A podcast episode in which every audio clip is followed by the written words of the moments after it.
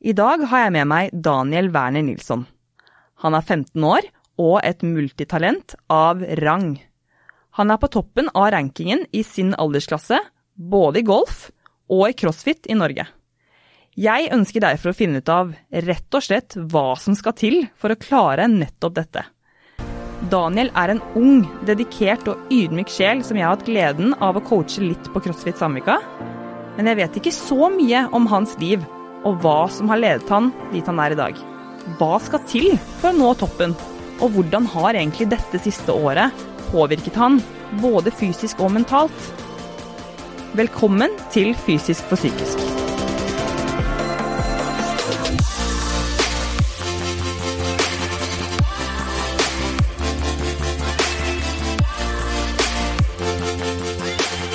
Jeg er så heldig å ha med meg tights.no på laget, som gir meg muligheten til å faktisk kunne lage denne podkasten, og det er jeg så utrolig glad for.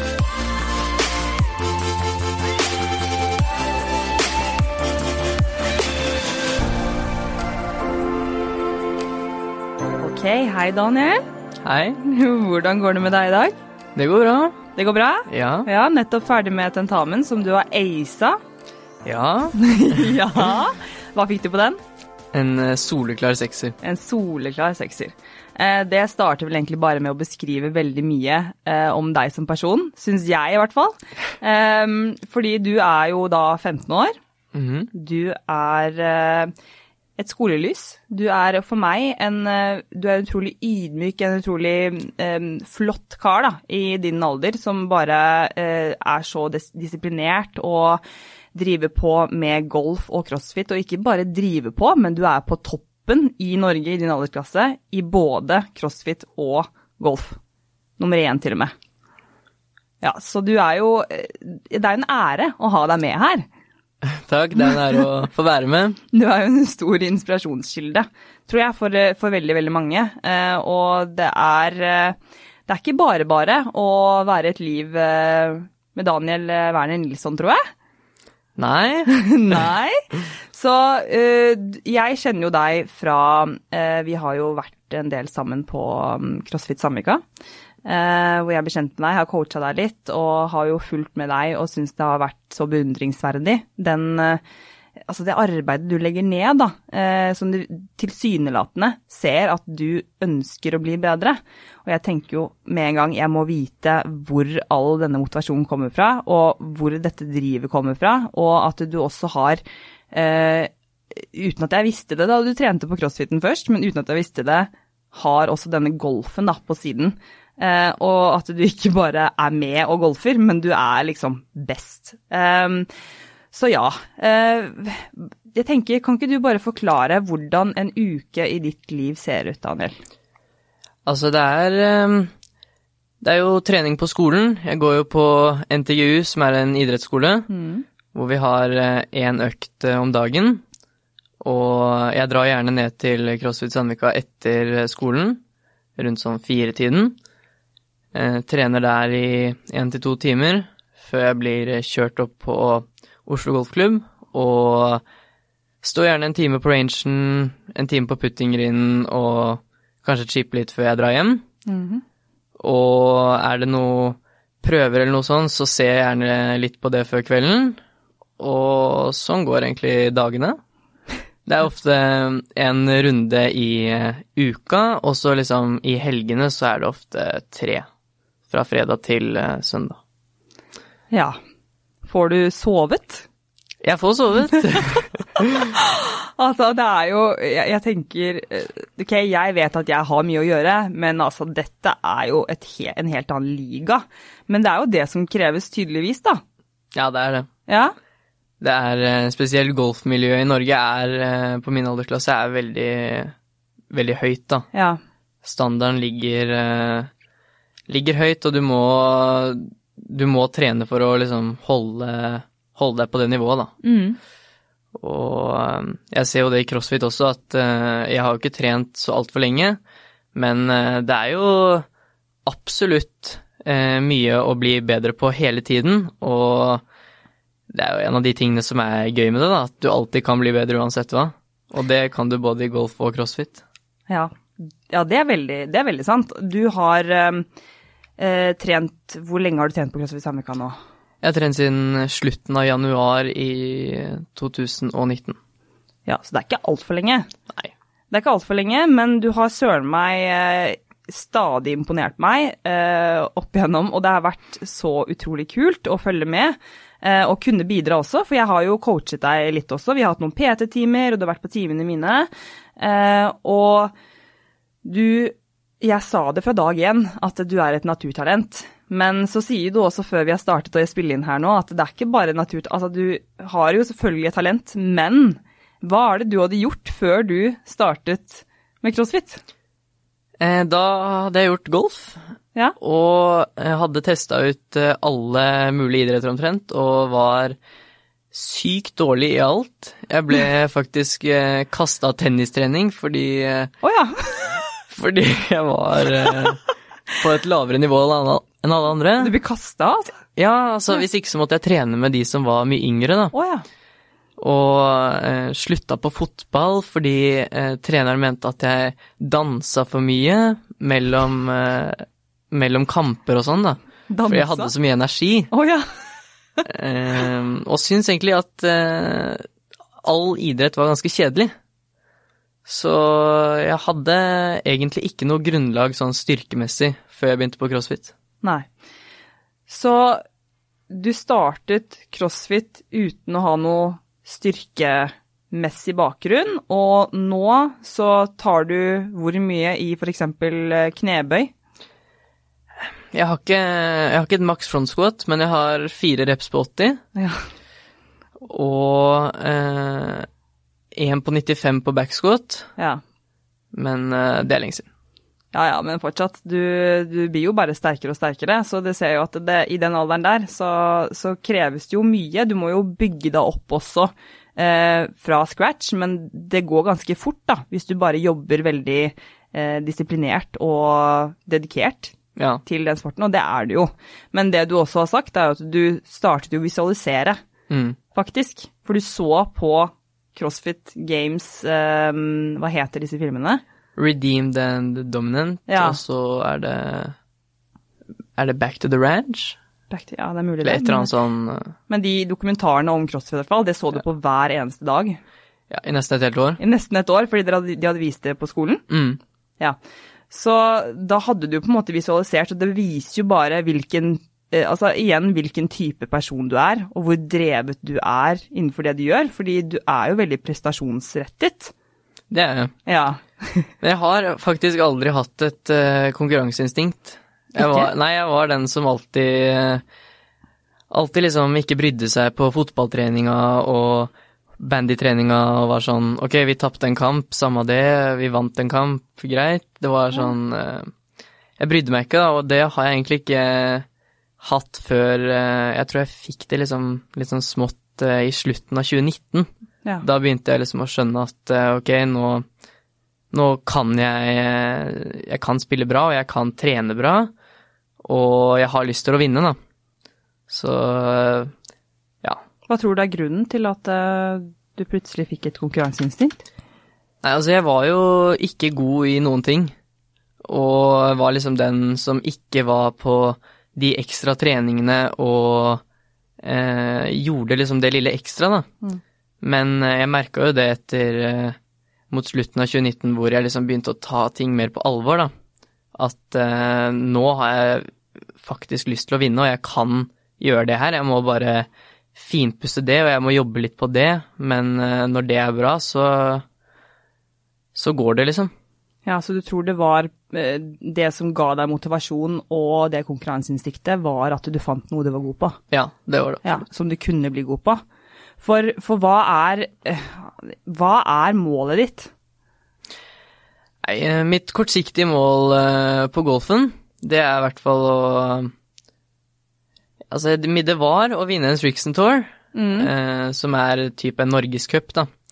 Men eh, det har jeg nå gjort, og tror jeg har satt eh, målet litt mer på å eh, kanskje vinne Order of Merit, da. Det er liksom totalt sammenlagt i slutten av året. Mm.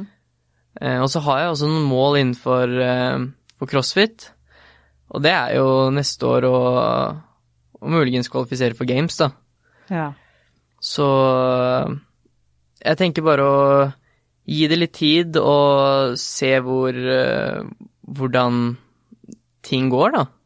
Ja, for det er jo mange ting som må på plass eh, for at Eller det er mange ting som skal eh, funke når du skal klare å prestere på et så høyt nivå, og du i tillegg går på ungdomsskolen, og Mm. du skal prøve å få gode karakterer der. For jeg vil jo anta at det sikkert er et mål for deg også å, eh, å få gode karakterer. I hvert fall sånn jeg har forstått det.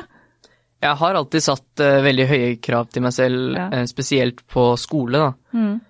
Ehm, men eh, har liksom tenkt at eh, det å bruke altfor mye tid på det, og når skole går utover treninga, så er det trening jeg prioriterer nå, da. Ja. Men, eh, men jeg ser jo det at uansett så kommer karakterene, og de er der de skal være, så ja. Så da går det bra. ja. Ja, men når jeg var inne på det, så tenker jo eh, jeg i forhold til at eh, du har jo mål som er ganske, ganske store. Ehm, og jeg har jo begynt å kjenne deg litt mer og mer som person, og er jo veldig glad for det. Og du har jo også et ønske om å bli coachet av meg, som jeg tenker at vi kanskje skal, ehm, skal begynne med. Og det er jo utrolig kult også, å kunne få, få trent deg opp mot, eh, mot eventuelt games etter hvert. For du er jo på et veldig høyt nivå. ehm, men da sa jeg, måtte jeg også sette meg ned med deg. Vi, satt jo, vi var jo på trening sammen og trente litt sammen. Så måtte jeg jo sette meg ned med deg og si at uh, du må vite at uh, i hvert fall det, den totalbelastningen du har i ditt liv, er så enorm. Så restitusjon må på plass. Maten må på plass. Søvnen må på plass. Alt dette må på plass. Uh, og det føler du at du har tid og krefter til.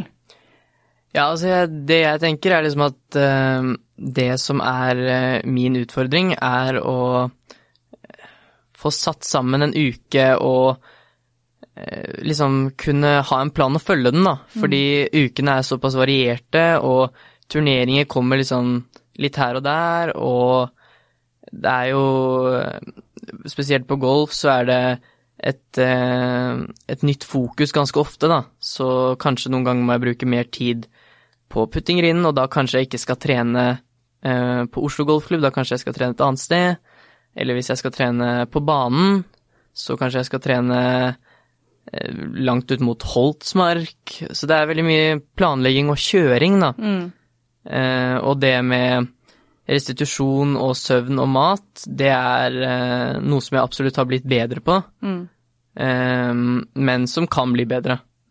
Som kan bli bedre, ja. Som kan bli bedre. Jeg, jeg vil jo i hvert fall, hvis jeg skal påta meg coachingrollen, syns det er viktig at eh, vi, vi, vi ser på eh, det hele bildet og prøver å, å finne ut en balanse som er best for deg.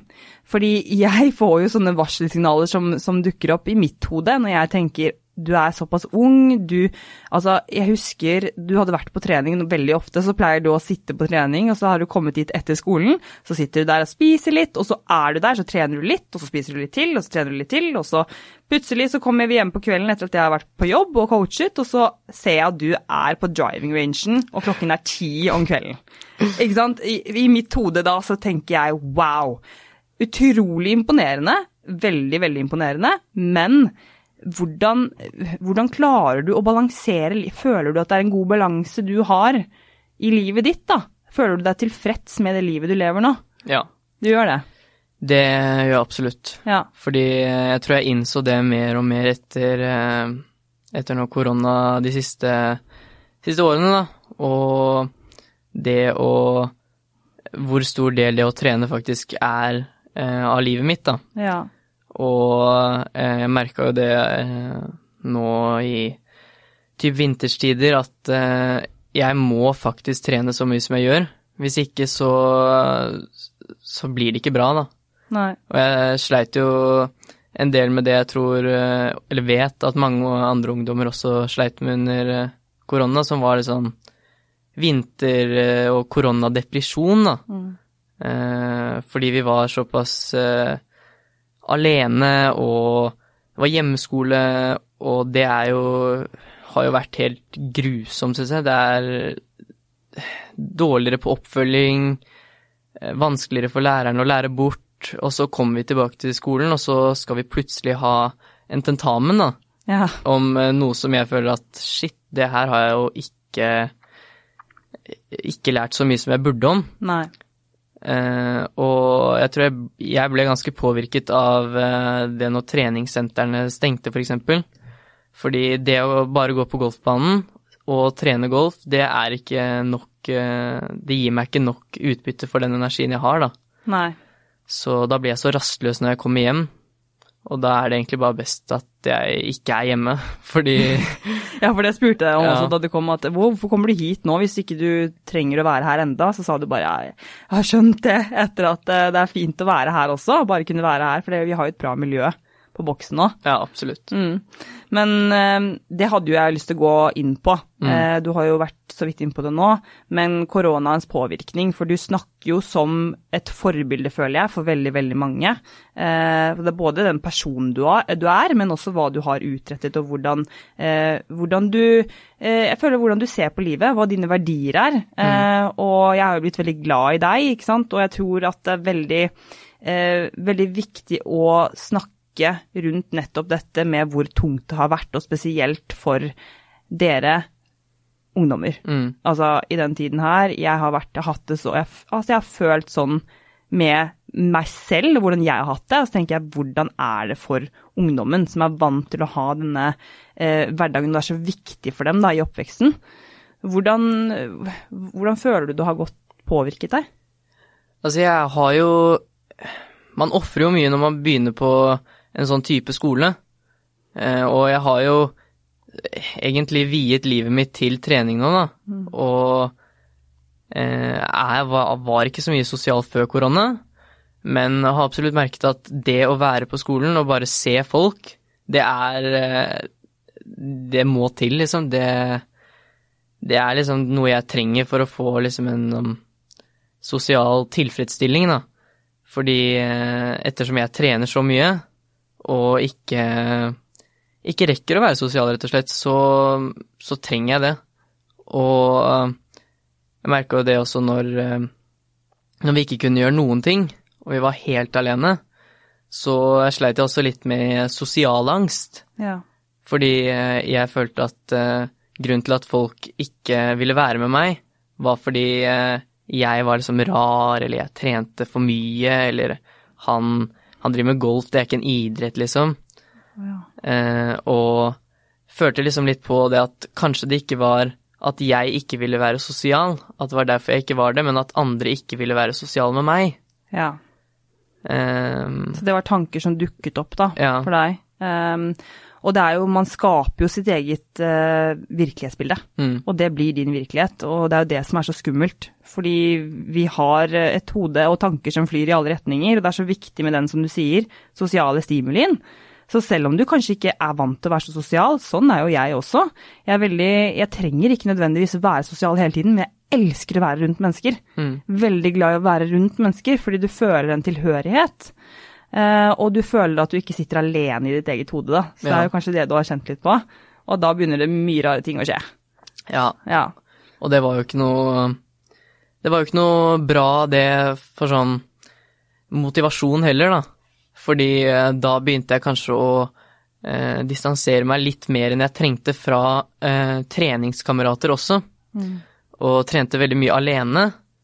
Eh, og det merka jeg også senere på, på året at det skulle jeg ikke gjort, fordi det Det var rett og slett ikke det jeg trengte. Nei. Men eh, det var sånn jeg så for meg at, eh, at jeg måtte gjøre det, da. Uh, og det, det fulgte jo litt opp til det jeg sa i stad også, at uh, det var kanskje den første triggeren da, til at jeg fikk en liten sånn koronadepresjon, Ja. Uh, hvor bare alt var helt grusomt, og jeg kunne ikke trene golf fordi det var vinter, og alle innendørssentrene var stengte. Det var vanskelig å finne mulighet til å trene ute. Jeg kunne ikke trene på crossfiten heller, fordi det var eh, Det hjalp ikke engang med legeerklæring. Nei. Og trening var liksom min medisin, da.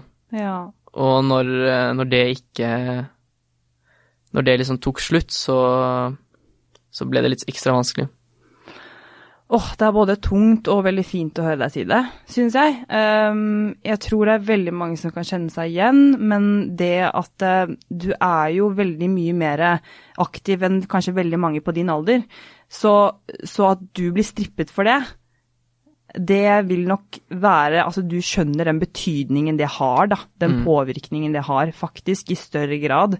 Fordi at det er så, en så stor del av ditt liv. Um, og nei, jeg, jeg føler, jo, føler, jo, så utrolig med deg at uh, jeg kan si altså det har ikke vært eh, lett, og jeg har følt på de samme type tankene. Uh, men det tror jeg også flere har gjort. Har du noen, har du snakket noe med noen venner om dette her? Nei, altså, jeg tror at uh, liksom samfunnet nå for tiden, da, blant spesielt ungdom, er liksom sånn Oi, shit, er du deprimert? Ja, da er du liksom sånn Skal du gå og bli emo, da, og bare oh, drite i alt og Så det er liksom en litt sånn eh, veldig dårlig ting, da. Ja. Og det er jo noe man ikke kan kontrollere, ikke sant. Så jeg tror absolutt at jeg kjenner mange som, som har slitt med det samme, da, men som ikke liksom tør å snakke om det, da. Og jeg husker jo jeg fikk eh, sjelden sove på nettene og var ofte opp til sånn fire og skulle våkne åtte. Og ha hjemmeskole, lå i senga under hjemmeskolen. Eh, og så eh, kanskje jeg kjørte en lett økt oppe på treningsrommet som jeg har hjemme på ettermiddagen, og så var det bare liksom ligge inne og ikke gjøre noen ting. Ja. Og jeg husker jo det, den dagen hvor jeg sa til mamma at eh, du må liksom ringe legen, fordi jeg, jeg orker ikke det her lenger. Jeg kan ikke holde på å legge meg fire og ikke ha noe energi på dagen. Og jeg ble veldig irritert på lillebroren min, for eksempel. Mm. Og jeg husker han sa til meg sånn eh, Hater du meg, liksom? Eller hva, hvorfor er du så sur på meg? Og da da måtte, begynte jeg på noen sånne piller og sovepiller og sånn, og fikk, ja. eh, fikk heldigvis begynt å sove, og det var liksom første steget, da. Fordi eh, jeg merka jo det at det var på kvelden som liksom tanker og alt sånn samlet seg i hodet. Og det ble mye lettere etter at uh, man fikk sove litt tidligere. Ja, og det er bra. Og jeg tror ikke du skal uh, Jeg håper ikke du føler på at det er din At du står noe spesielt ansvar der, for det er veldig forståelig, og det er veldig vanskelig når du er så langt nede og er så søvn... Altså har så lite søvn i banken at man blir veldig påvirket av det eh, på en veldig negativ måte.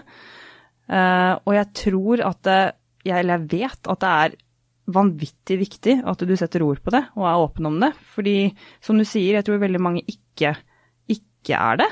Og det er jo veldig synd at det skal være et miljø som du sier at man blir ansett som en outcast på en eller annen måte, da. Ja. Fordi at du skal ta noen, ta no, få noe hjelp for det. Fordi det å få hjelp med psyken sin, det vil være mer eller mindre det samme som å få hjelp med å gå til kiropraktoren. Mm. Med det fysiske. Absolutt. Det er akkurat det samme. Og vi må begynne å normalisere det, også i en lavere alder. Fordi det er like gyldig for alle. Ja. Ikke sant? Jeg syns det er eh, Åh, det er, det er skikkelig, skikkelig tøft, syns jeg, å sitte og høre deg snakke om det, men du har det bedre nå. Ja, absolutt. Ja, Og du føler at det, det har hvordan, hvordan, føler du at du kom deg ut? Var det søvnen, eller føler du at det var noe annet som, som hjalp deg ut av det? Nei, jeg tror det, det var det å liksom bare være åpen om det, mm. og si til mamma at hvis jeg blir eh, skikkelig sånn drittunge, så vet du hvorfor, og jeg klarer ikke å kontrollere så da må du heller bare si at eh, gå ned og tenk, liksom, eller bare mm. klar hodet litt, da, og jeg begynte ofte å, å gå på en del turer og bare høre på musikk og, og prøve å ikke tenke så mye negativt, da. Ja. Og jeg tror det, det som hjalp meg ut, var at jeg begynte å gå til en eh, Ja, det er jo en psykolog. Mm. Eh, og det var Det var så mye lettere å liksom kunne sette ord på det, fordi da vet jeg selv hva som er problemet, da. Ja. Og da er det så mye lettere å, å gjøre noe med det. Ja. Så hvis jeg, jeg hadde ikke klart det uten å Hvis ikke jeg hadde sagt det til noen. Nei.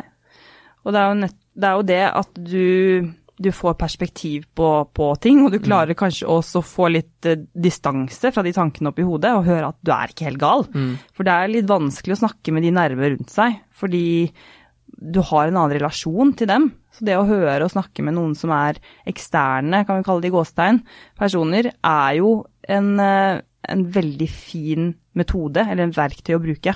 Ja. Ja, og eh, jeg, ba, veldig bra at du gjorde det. Der også imponerer du nok en gang. Altså, du er et så fantastisk menneske. Jeg blir bare mer og mer eh, blown away. Men hvordan føler du at eh, det, det hjalp dem å finne litt ut av, av livet ditt, da? Og, og hvordan kanskje i kontrast med dette koronaåret og hva du vet at du ikke ønsker, at du føler at det har gitt en, en ny motivasjon eller andre verdier i livet, eller Ja, absolutt. Det var eh, Jeg tror det var game changeren for eh, denne sesongen og dette året her. Ja. Fordi mindsettet ble bare helt annerledes, og jeg begynte å sette så mye mer pris på gruppetreninger, egentreninger, og bare det å kunne være ute og trene med folk, da, og det er det jeg syns er så bra på CrossFit Sandvika, for der er det miljøet, det er alltid, alltid smilende ansikter og hyggelige mennesker, og alle vil det samme, da, ikke sant. Eh, Alle har lyst til å bedre seg selv, og jeg tror det å Det å bare sette ord på at jeg er liksom ikke Jeg er ikke gæren, og jeg er ikke Jeg er ikke et sånn drittmenneske, ikke sant. Jeg, jeg er vanligvis hyggelig og ja, du er dødshyggelig. skal, prøve, skal ikke liksom irritere mamma helt til hun blir dritsur på meg, ikke sant. Nei. Um, så Jeg tror jeg bare lærte å sette pris på ting, da. Mye mer. Etter eh, Og det vet jeg at alle også gjør. Uh, nå etter det, den tiden vi har vært i. Ja. Og fortsatt er i, men eh, heldigvis litt lettere tiltak. Ja. Eh, du, jeg sa det jo faktisk til deg da du gjorde disse online qualifiersene til um, Veldig vanskelig å forklare hva det er, egentlig, men Ja. det er jo et steg før CrossFit Games, da. Ja. Um, så sa jeg det til deg at uh, du, har, du har modnet på Mm. et mentalt plan. Og det har gjort deg til en bedre atlet, eller en bedre utøver også. Eh, så det tror jeg har jeg full tro på. Eh, og mest sannsynlig, du har også nevnt for meg, sånn når, når du kommer til det er crossfit, men golfen også, at når du kanskje ikke trente like mye golf, Mm. at du følte at du gjorde det bedre. Kan du ikke forklare litt eh, rundt det? Jo, jeg tror også at eh, det Det har endret mye, da. Det er kvalitet framfor kvantitet, da. Ja. det å ikke nødvendigvis være på eh, trening og være der i fem timer og trene to av timene, og så resten bare egentlig være helt død i hodet. Bare skikkelig sliten, Mm. og bare er der for å være der, da. Mm, Altfor mye stimuli. Ja. Mm. Eh, Og jeg tror at eh, etter at jeg bare begynte å prøve å ha mye bedre kvalitet på treningen og nødvendigvis ikke stå der så lenge, som sagt, så ble det mye bedre, for jeg fikk mye mer ut av det jeg gjorde. Ja. Og det har jeg både gjort på, på golfen og på crossfiten. Mm. Eh, Fordi jeg tror det er spesielt viktig at du liksom ikke skal bli eh, mentalt utslitt, da. Og det ble jeg jo når jeg var der, var på trening her eh, på crossfiten i tre timer, og så på golf i tre timer. Altså, Ja. Det er jo null pusterom, ikke sant? Ja, for det er den store forandringen etter, som jeg sa til deg den gangen du var på trening kjempemange timer, og så var du sto på driving ranchen på kvelden, at det er bare et år det er snakk om. Ja. Men på et år så har du vokst ekstremt mye nettopp på grunn av dette, tror jeg. Eh, og det er jo så fint, for da har du klart å finne en bedre balanse. Eh, og den skal jo vi fortsette å jobbe med, hvis vi, eller når vi skal nå jobbe sammen videre. Eh, fordi det er veldig viktig for meg at det er denne totalpakken. Eh, det er denne, det er denne Finne den balansen mellom at du skal ha et liv, men selvfølgelig, trening gjør livet veldig mye bedre. Mm. Og det har jo du funnet ut av. Men du trenger også en avkobling. Du trenger andre ting. Du trenger å slappe av i hodet. Eh, for det er, jo, det er jo hodet. Det er jo der mye av prestasjonen ligger i begge sportene, egentlig. Både i golf og i crossfit. Og selvfølgelig for deg på skolen. Absolutt. Eh, men du har jo et liv som, som du sier, som er fortsatt veldig sånn tern, tern, tern, at det veldig, går veldig mye som skjer hele tiden. Ja. Men har du tid til å være sosial? For du har kjæreste, har du ikke det? Ja. Ja. Eh, og hun bor i Kragerø, Ja. eh, og det er eh, jeg er veldig glad for. Fordi eh, jeg har ikke all verdens tid, som sagt. Og det å kunne dra ned der i noen helger og bare koble helt av, da, det er utrolig deilig. Å Ja. bare slappe av og være med henne og familien hennes, og der, der er det liksom et sånt sted hvor Der trenger jeg ikke å trene, da, og jeg trenger ikke å være på skolen, ikke sant, og jeg bare slapper helt av, og det er sykt deilig. Ja, det, det skjønner jeg. Eh, Med, det, med den livsstilen du har, Ja. så er det så viktig å finne dette avkoblingsstedet. Da har jo du tydeligvis funnet det. Mm. Hvor lenge har du vært sammen med henne? Eh, Det er nå snart et år. Snart et år. Så hyggelig. Ja. Ja, det er det nesten nyfor... ah, kanskje litt over nyforelskelsesstadiet, men, eh, men litt der. Men det er, eh, det er ufattelig bra. Og hun også, vil jeg jo tro, støtter deg Veldig støttende. For du har jo et stort støtteapparat rundt deg. Jeg kjenner jo også moren din Mm. litt, som også trener på CrossFiten, som er et eh, vanvittig støtteapparat i seg selv. Eh, og jeg vil jo tro faren din også. Jeg har jo sett han også har kommet av mm, når broren din, lillebroren din, har begynt Ja. på CrossFit også. Så det er liksom, vi rekrutterer flere og flere på CrossFiten, og det er kult. Men, eh, men du har jo et stort støtteapparat rundt deg, så det kreves jo også eh, når du skal prestere. Sånn som du gjør. Du reiser jo rundt og har vært i Dubai og det ene og det andre. Hvordan føler du, hvordan føler du den, den relasjonen er? Altså, jeg er ufattelig takknemlig for alt det alle som hjelper meg, gjør, da. Og eh, mormoren min også, som kjører meg eh, når mamma og pappa ikke kan. Og det blir ofte mye møter i bilen. Men ikke sant, de gjør jo alt de kan for meg. Og det er også noe jeg lærte å sette mer pris på eh, nå etter eh, korona. Ja. Og ehm, bare det å vite at jeg har så mange som støtter meg, da, det er en eh, veldig stor boost. Ja.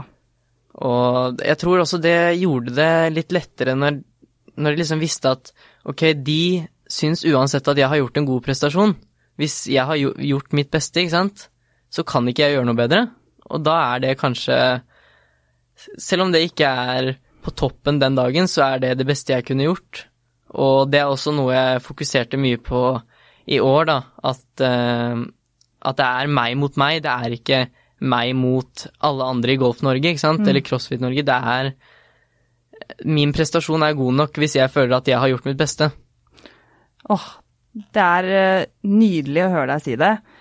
Det mm, Jeg ville jo gå inn på dette her også, så det er jo kjempefint. Du, du, du bare leder, leder eh, denne samtalen så bra.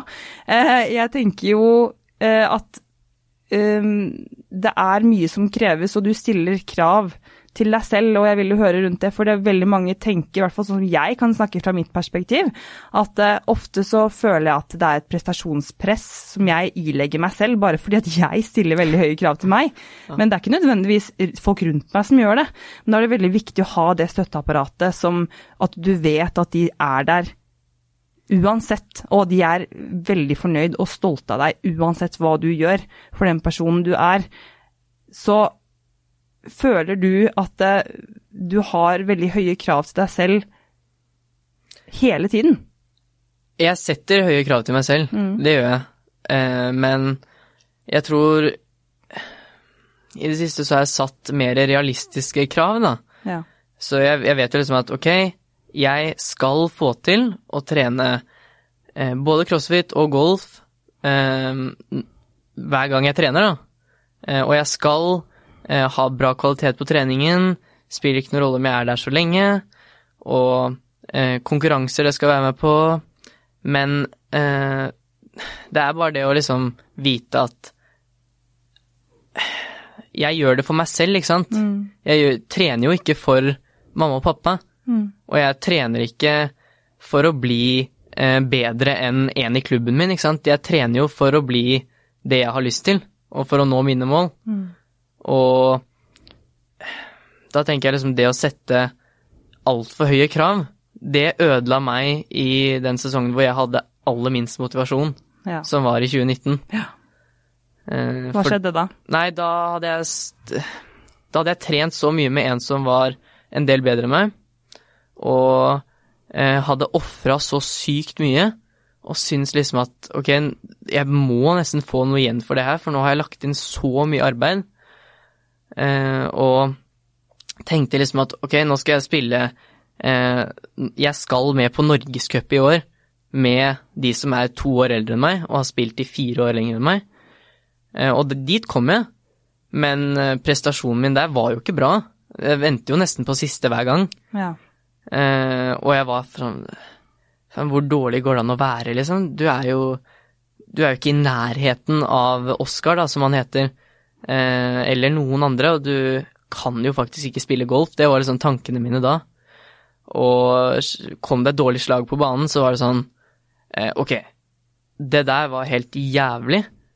Eh, stell deg opp helt andre veien og sving helt annerledes, og bare prøv å slå ballen andre veien. Så du var bare slem? Jeg, jeg var rett og slett ja, ja. bare slem, og, og det, det, ødela meg, da. Å ja. sette så høye krav. Ja. Så du har lært av det, og det er jo den modningsprosessen jeg tror du har, som jeg har sett også, som jeg har vært vitne til, eh, hvor, eh, hvor, du Det virket som du kanskje hadde veldig mange eh, mål som du hadde satt deg, uten å tenke så mye over denne prosessen og hva som er viktig for deg i livet ditt, og hva som skal til, og at du ønsker å ha det bra i, på veien. At det skal være positivt. Mm. Og det føler jeg at du, du syns nå. Det syns jeg absolutt nå. Ja. Men uh, man kan jo tenke det sånn at når jeg satt Mitt mål i 2019, det var å vinne minst én Strixon Tour. Mm. Og det var jeg ikke i nærheten av. Nei. Og i år, når jeg da setter et uh, kortsiktig mål, da, og jeg klarer det, så gir det liksom en sånn Det gir en boost, ikke sant, fordi du har jo klart noe du har satt deg et mål om. Og, og det å sette nye mål som er enda høyere enn de forrige, det syns jeg er kanskje noe av det morsomste på prosessen, da. Ja, det driver deg. Ja. Mm, og det er viktig. Det tror jeg er et nøkkelord for deg. Det er liksom kortsiktige mål. Mm. Og det tror jeg veldig mange andre kan ta med seg også. Men når du snakker om hele altså, livet ditt nå, men hvor startet alt dette? Hvor startet denne drivkraften, og, og, og hvor, eh, hvor, er opphavet, holdt jeg på å si? Når kom du inn på golf? På golf kom jeg inn eh, i 2017, ja. Eh, og jeg hadde trent og spilt en del med bestefaren min, ja. som spilte aktivt hver dag. Og Eh, så var jeg på en sommercamp og ble rekruttert av en trener til et, eh, en treningsgruppe som var langt over mitt nivå. Og har egentlig alltid bare trent med de som har vært bedre enn meg, og blitt pusha av det. Og drevet at ok, du skal Jeg skal nå igjen de her. Jeg skal være på samme nivå som de, om ikke bedre. Um, og uh, hadde jo liksom bestefaren min som det største støtteapparatet, da. Mm. Eh, men så fikk han eh, kreft for eh, to år siden og sluttet å spille. Og han er fortsatt kjempeinteressert i golfen, da. Og jeg syns alltid det var så gøy og tenkte liksom at ok, nå spiller du for deg, men du har liksom bestefar med deg, da. Og jeg tror det var grunnen til at jeg ikke ga opp i 2018-sesongen, fordi det var, det var close. Ja. men jeg kom meg igjennom og Og var liksom Så at jeg ble litt bedre, da. Starta med ny trener og klikka mye bedre med henne, da. Og vi hadde mer Vi hadde samme type Hva skal man si Alle golftrenere går etter en svingmodell, da.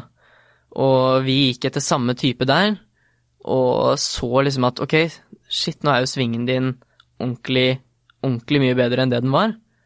Eh, og nå i det siste, for eksempel, så er det bare liksom har hatt, eh, Vi har sånn faste timer en gang i uka, og på de timene så har det vært en sånn superboost fordi alt har vært så bra, da. Og jeg har liksom bare fått Du har jobbet så sykt bra med det eh, vi prøvde å få bort for to år siden, og eh, nå ser du at med en gang så begynner det å bli Så vinner du Strixen, liksom. Det er det er så utrolig gøy å se eh, at det jeg jobber på, utvikler seg, da. Ja. Sånn som uh, på min første time på Sandvika, så eh, skulle vi kjøre tre sett med tre front squat. Eh, og da kjørte jeg med 35 kilo. Ja. Og husker at eh, jeg og Simen hadde snakket sammen, og jeg hadde fått lov til å eh, ha et juniormedlemskap, men å være på open gym litt selv. Mm. Og trene et litt sånn eget program som jeg har fått av en annen trener. Mm. Men jeg syns det var for gøy å trene crossfit, så jeg gjorde lite av det programmet og gjorde mye mye liksom bare Ok, han, han gjør romaskin, han gjør double-unders, kanskje jeg skal gjøre ro- og single-unders, da. Ja. Og så satt litt sånn sammen økter og husker at jeg satte opp en stang, tok eh, og satte opp mobilen, og så eh, Hva var det jeg la på stanga? 35 kilo. Mm. Hadde tenkt å prøve å kline den på videoen. Ja. Jeg var ikke i nærheten. Missa liksom rett over beina, og så bare nei. Og så bare gjorde jeg markløft istedenfor. Ja. Og drømte liksom om den dagen hvor jeg faktisk så at ok, nå har jeg blitt så sykt mye sterkere. Og det er liksom noe av det som også driver meg nå blant eh, på crossfiten, da. Og det er bare det å se en sånn syk progresjon. ja. Fordi- Den er ganske syk. Ja, og den går, det går så fort. Ja. Og nå kommer det jo til å gå treigere etter hvert. Det, det er jo bare sånn det er. Og så går det jo tregere for de som kanskje ikke er like dedikert som Ja, deg. det gjør det jo Du også. er jo Du er jo liksom et, et, du er Av din egen rang, for å si det sånn. Men, eh, men det er utrolig gøy å se, se hvor mye bedre ting blir, da. Ja. Og så når, når det blir så bra at du liksom bare trenger å finpusse. Ja. For du er jo veldig analytisk. Ja, og det det er har du med deg både i golfen og i svingen, svingen din, og på alt mulig innenfor løfting Ja. eh, i crossfiten. Men det er jo en sånn egenskap som jeg har fått fra golfen, det er at jeg eh, tar ting ganske lett. Mm. At jeg eh, gjerne tenker veldig mye igjennom hva en øvelse er, sånn som jeg husker jeg jobbet med deg eh, når vi skulle lære butterfly pullups. Ja. så eh, var jeg oppe på Fossum og sto der og holdt bare i en pinne, og så bare gjorde den bevegelsen. Mm. Bare for å liksom få en liksom muscle memory, da. Jeg husker dette her kjempegodt. Og plutselig en dag så hadde jeg, liksom, jeg hadde sett på kanskje alle mulige videoer på YouTube. Ja. Sånn gjør du butterfly, Ja. sånn går det raskere. Ja. Og så kom jeg på trening, og så var det en økt med Jeg tror det var Cindy. Det var eh, fem pullups, ti pushups, 15 air squats. ja. Og så kjørte Mange runder du sånn- kan på 20 minutter. Ja, men vi kjørte Jeg tror ikke vi kjørte 20, jeg tror vi kjørte um, to seksminutters M-raps, Ja. og så gjorde vi det to ganger. Ja. Og så husker jeg eh, Johan sa at uh, dere som kan, kan gjøre butterfly pullups. ja, det er Johan er altså en tidligere coach Ja. Ja. Uh, og jeg og Benjamin, som er en annen uh, like gammel som meg på crossfiten, Mm. eh, Benjamin sa ja, jeg tar butterfly, jeg. Jeg bare ja, jeg får vel prøve, jeg òg. ja. Og så fikk jeg det til, da. Mm. Og da ble jeg bare så sykt glad. Og etter det så er det liksom sånn Gymnastics og vektløfting, det er bare For meg så blir det samme som golfsvingen. Ta video, og så bare gjøre masse driller, og bare få inn bevegelsen. Og så kan jeg begynne å gå opp i vekt. Ja. Og det gjorde jeg også feil før, at jeg gikk opp, startet med en veldig tung vekt, ikke sant. Og tenkte at ok, nå skal jeg kjøre tre sett eh, på eh, fire touch and go på eh, 50, liksom, og så var, klarte jeg så vidt én. ja. Eh, så det Men hodet ditt var der. Du hadde lyst. Hodet var der. Jeg hadde sykt lyst. ja. Men så det har du alltid gjort. Du har alltid vært sånn. Ja. Men jeg tror du har lært veldig mye, for du har lært mer Sånn er det i hvert fall altså med alt, egentlig. At eh, jo mindre du vet, eh, jo bedre føler du deg, nesten. Ja. eh, Sånn innenfor den sporten. Fordi jo mer du skjønner kreves, og jo hvor bra atleter er som får til alle disse tingene innenfor vår sport spesielt, eh, så begynner du å skjønne at du kanskje må, må endre litt på taktikken. eh, Men det er, derfor, det er jo derfor jeg sitter og føler meg veldig beæret da, over å, å få muligheten, og du har lyst til å jobbe med meg. Fordi, fordi du de har jo, Jeg tror ikke jeg har jobbet med noen som er så, så disiplinerte og dedikerte og så eh, ydmyke, og du er så coachable, som vi kaller det. At du tar ting. Og så sa jeg jo at du er et naturtalent, men jeg vil jo mer si at du er et Altså, du er en atlet av natur. Mm. Rett og slett det du er. Ja, tusen takk. Ja, men det er du. Eh, du har et eh, Du lever et liv som er veldig annerledes, tror jeg, fra, fra, fra gjennomsnittet, da. Det gjør jeg. Ikke bare tror. Jeg vet, tror jeg. Tror jeg. skal, skal prøve å ikke tråkke noen på tærne der, men du er eh, du, har et liv som, som jeg er veldig fascinert av. Og som jeg tror at jeg kommer til å, å Jeg kommer til å bli bedre kjent med deg også fremover. Eh, hvis vi skal jobbe sammen. Og når vi er inne på det, så, så ser jeg jo hvor lidenskapelig opptatt du er av crossfit. Eh, så etter hvert, hvordan ser du for deg veien videre nå, da? Altså, jeg startet jo eh, med Når jeg startet med crossfit, så var liksom eh, grunnen til at jeg fikk lov til å gjøre det, da, fordi jeg måtte sette av såpass mye tid til golfen, det var for det skulle være et tillegg til golfen. Og det er jo Etter hvert som jeg liksom bare Jeg har alltid hatt en sånn lidenskap for det, da. Og jeg har det absolutt for golf, men har ikke kjent liksom den følelsen av at eh, Yes, nå skal jeg på trening, og eh, når jeg er på treninga, så er det bare clear mind, fokus på det, det, det, og så er du ferdig. Mens på crossfiten så har det liksom vært sånn Ok, nå drar jeg på trening, og jeg melder meg på timen med Siri klokka seks, og så blir jeg litt og tøyer etterpå, kanskje gjør noe eh, gymnastics som jeg syns er gøy, eh, og har liksom lyst til å være der, da. Ja. Og det crossfiten har gjort med meg, er bare å gjøre at trening, all type trening, har blitt så mye mer morsomt. ja.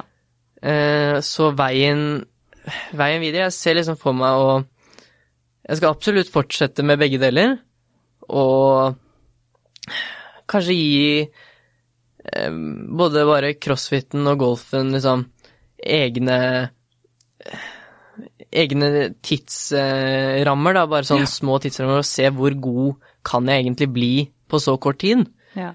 Kan jeg liksom Nå tar jeg siste uka i eh, september, eh, eller de siste ukene i september, og så bare går jeg all in, bare kjører masse crossfit og um, litt mindre golf enn det jeg er vant til. Uh, prøver å um, bare gi alt på hver eneste økt, og se hvor mye bedre jeg kan bli. Uh, og så er det jo bare å, å se. Jeg tenker at det er jo ikke noe vits å holde på med noe hvis du aldri kommer til å nå målene dine. Nei. Så det var jo det jeg skjønte med fotball og tennis og Altså, du, hvis du syns det er gøy, så så klart eh, gjør det. Men jeg syns jo ikke noe av det var gøy, Nei. og da slutta jeg jo på det. Og jeg visste at jeg, kom, jeg kommer ikke til å bli fotballproff, fordi jeg har ikke lidenskapen nok for det. Nei. Så jeg tenker at Men du kan jo kanskje omformulere det som at du fant, når du først fant noe som du syns var gøy, mm, og som du fant ut at hei, det her begynner jeg å bli god på, for du syns det var gøy, ja, da begynner du kanskje å få motivasjonen og kan sette mål, ikke sant? det er bedre. Em, så jeg tenker at det blir bare å se, og jeg har jo, jeg har jo satt meg et mål om at det ultimate uh, målet med golfkarrieren er jo å, å spille på PGA-tur og spille masters og være liksom blant de beste, da. Ja. Og det ultimate målet på eh, crossfit er jo games. Det er jo ikke noe større enn det.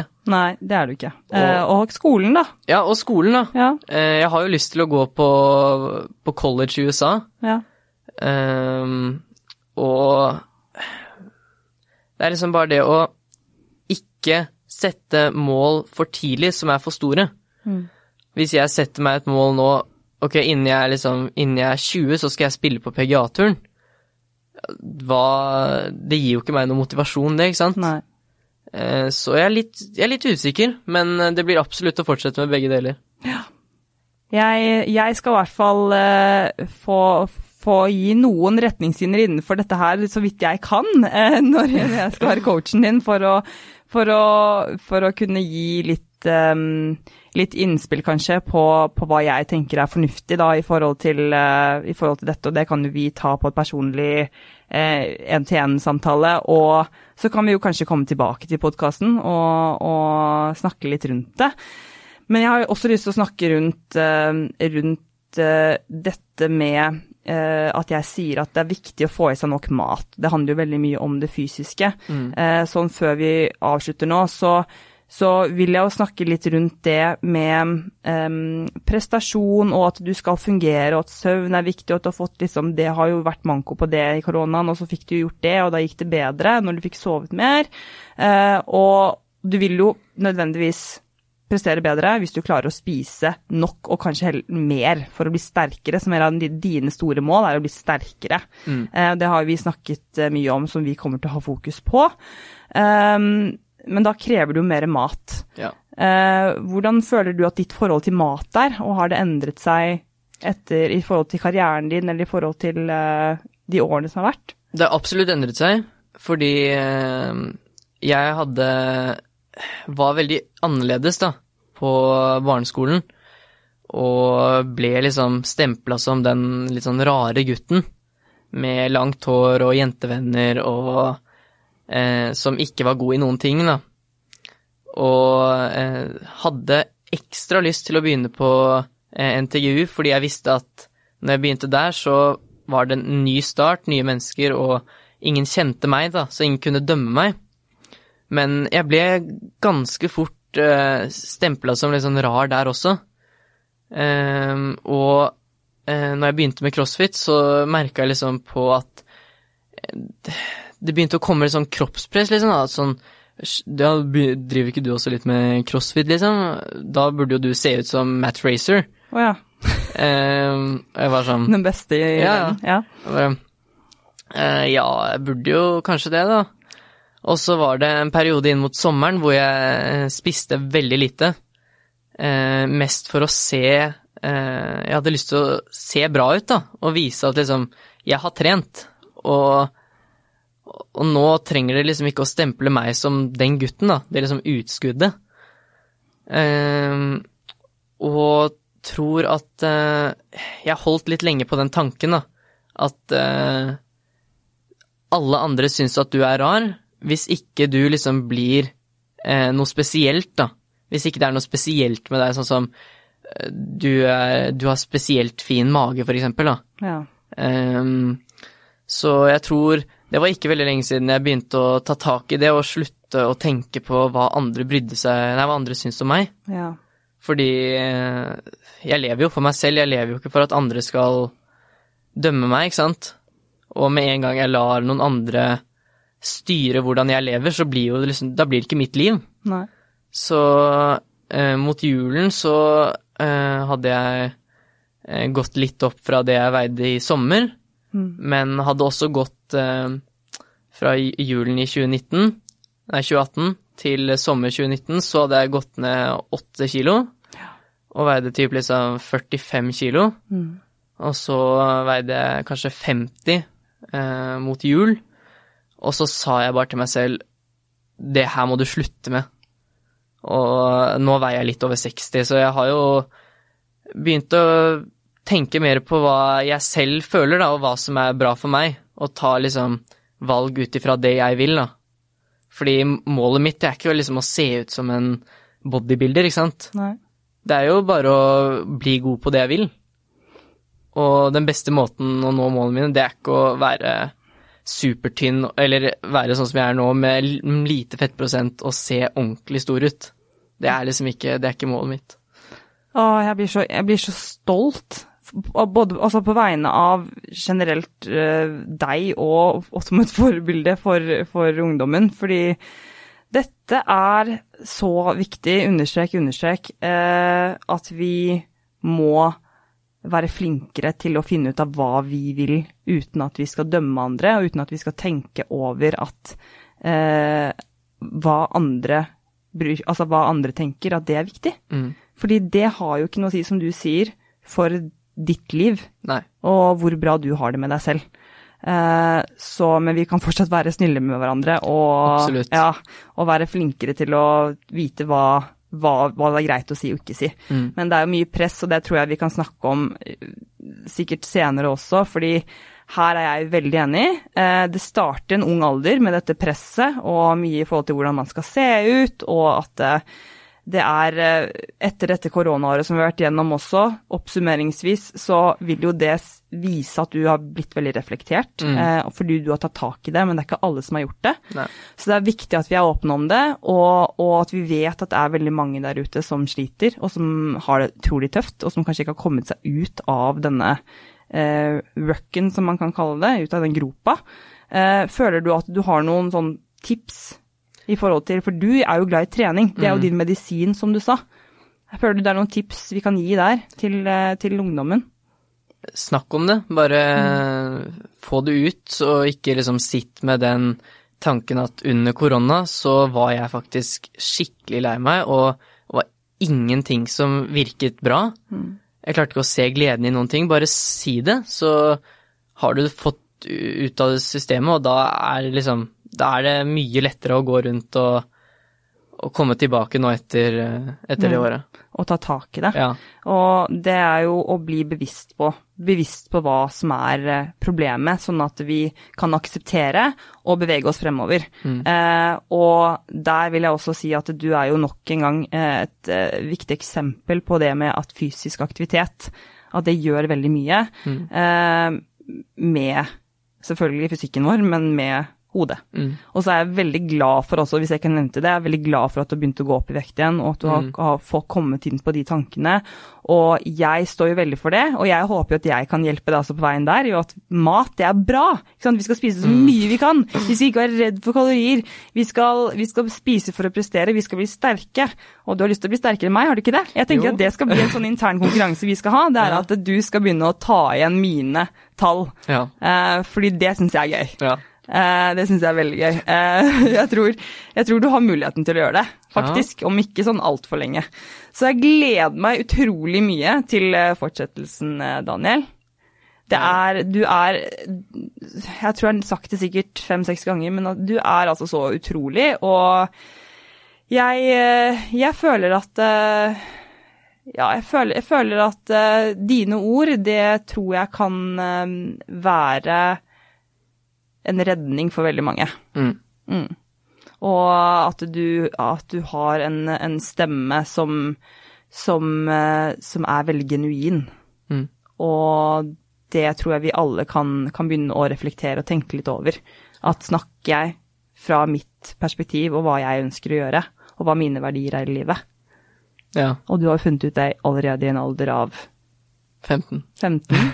15 og kommer å, vi kommer nok til å støte på litt mer opp igjennom, men at det er viktig at vi, at vi som du sier, er åpne rundt det. Ja. Så tusen hjertelig takk for at du stilte opp. Tusen takk for at jeg fikk være her. Det har vært eh, Jeg har fortsatt veldig mange flere spørsmål jeg føler at jeg, vi kan snakke om, men etter hvert som vi blir bedre kjent, så tenker jeg at du skal tilbake på denne poden. Det tenker ja. jeg. Hvis du vil. Ja, det vil jeg. Ja, så bra. Men uh, da rapper vi opp, ja, tenker jeg. Yes. Ja. Og som jeg alltid pleier å si, og som jeg sier til deg også, Daniel, men du må huske å være snill med deg selv. Det skal jeg. ha det bra. Ha det.